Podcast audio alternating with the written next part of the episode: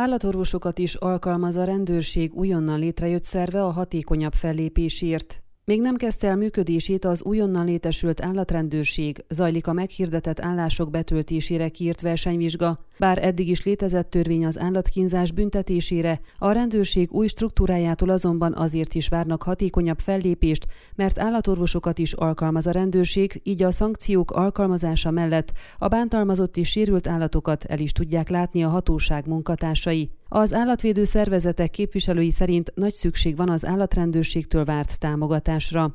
Országszerte több mint 250 alkalmazottja lesz az állami rendőrség alárendeltségébe tartozó állatvédelmi szervnek.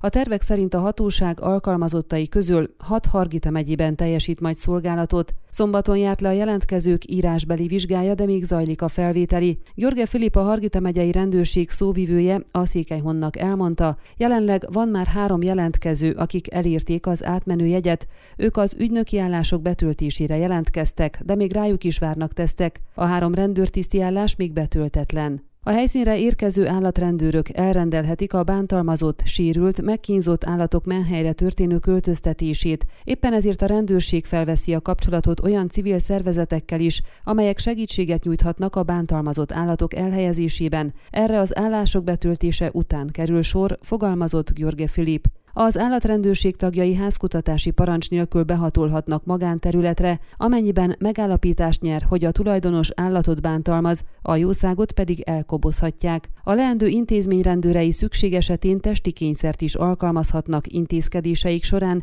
illetve használhatják a felszereltségükhöz tartozó eszközöket, továbbá az akcióról fotó vagy videó felvétel készülhet az állat tulajdonosának beleegyezése nélkül is, áll a rendeletben. A rendőr dönti el, hogy az adott állatot el kell kobozni vagy sem, és természetesen, ha állatkínzást vagy elhanyagolást, rossz bánásmódot állapít meg a tiszt, akkor elviszik onnan az állatot egy megfelelő helyre. Az eset súlyosságától függ az, hogy szabálysértés miatti bírságot ró ki a rendőr, vagy bűncselekmény gyanújával indít nyomozást. Utóbbi esetben a bíróság dönt arról, hogy bűncselekménynek minősíti-e a tettet vagy sem, de akár szabadságvesztésre is ítélheti az állatkínzókat, tette hozzá a rendőrségi szóvivő. A jogszabály eddig is kitért az állatkínzásra, és büntetőjogi eljárást indíthattak a hatóságok az állatkínzók ellen. Kérdésünkre, hogy miért van szükség akkor egy külön intézményre a rendőrségen belül az állatvédelem érdekében, Györge Filip kifejtette, ha létezik egy speciális operatív szerv, akkor szakszerűbb és hatékonyabb közbelépés biztosíthat a rendőrség,